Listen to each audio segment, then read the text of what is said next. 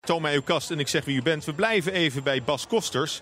Want onder dat adagium ging Jico Krant bij de modeontwerper op bezoek.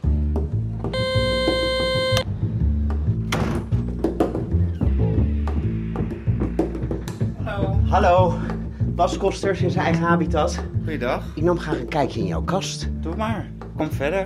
Hier is een dobbelsteen. Ja, Neem die ter hand. ja, Hebben we zes kasten nodig. Ik zie hier een eh, prachtige antieke kast. ja, Zullen we die op één zetten? ja.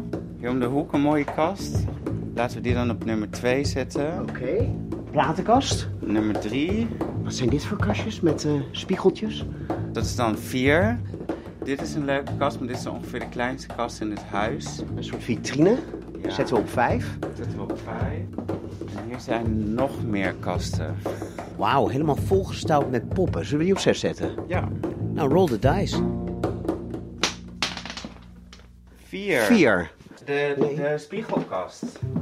Het zijn vijf soort vintage badkamerkastjes uit een Tsjechisch ziekenhuis. Het is een soort gekke fascinatie voor die kleine kastjes. Ik heb er best wel veel. Er staat er in de wc nog één. In de gang hangen er twee. Ik zie een Nijntje. Ik zie Michelin-mannetje, robots. Ja, ik ben echt een poppenverzamelaar.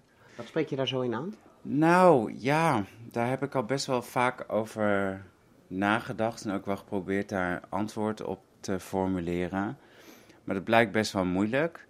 Ik heb altijd een fascinatie voor poppen en beesten gehad. Ook toen ik klein was. Ik speelde met poppen en met beren. En dan speelde ik poppenkraam. En ja, dat is eigenlijk gewoon nooit overgaan. En alle redenen die ik kan bedenken zijn eigenlijk meer een soort conclusies die inzicht zou kunnen geven aan wat het misschien zou kunnen zijn. Dus het is heel frappant, maar echt een klinkklare reden is er niet.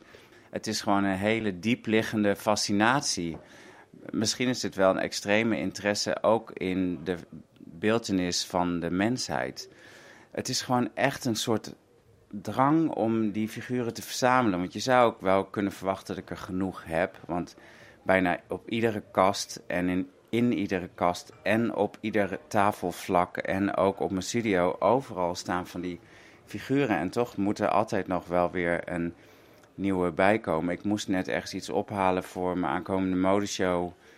En dat was bij een winkel. Ik moest daar een paar stoelen halen. En dan vind ik daar toch weer een hele leuke beren spaarpot.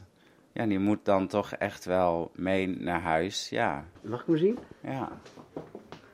Hij lijkt een beetje op Winnie de Pooh, maar dan een soort uitvergrote versie. Maar hij kijkt heel, ja, verlegen, maar ook wel content. Ja, er kan nog van alles gebe- gebeuren met die beer. Dat is wel leuk. Slaap je ook met een beertje? Ja. Wat vindt jouw bedgenoot ervan? Nou, ehm, ik heb heel lang een vriend gehad. Dat is net toevallig uit. En, maar die vond dat geen probleem. Ja. Nee, dan ligt het beertje tussen jullie. Nou ja, die, die, was, die zat meestal aan de zijkant van het bed zo. Maar je zei de relaties uit na hoeveel jaar? Vijf en een half. En nu lig je weer alleen met het beertje in bed. Ja, zo gaan die dingen dan, hè? Dit is een van de beren die hier is. Dit is je huidige bedgenoot.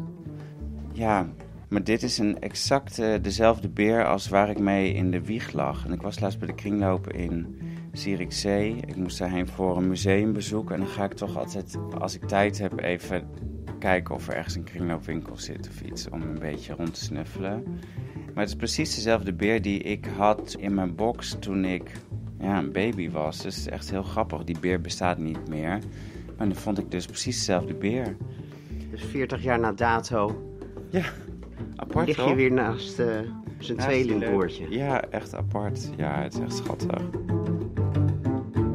Dat was de kast van modeontwerper Bas Kosters.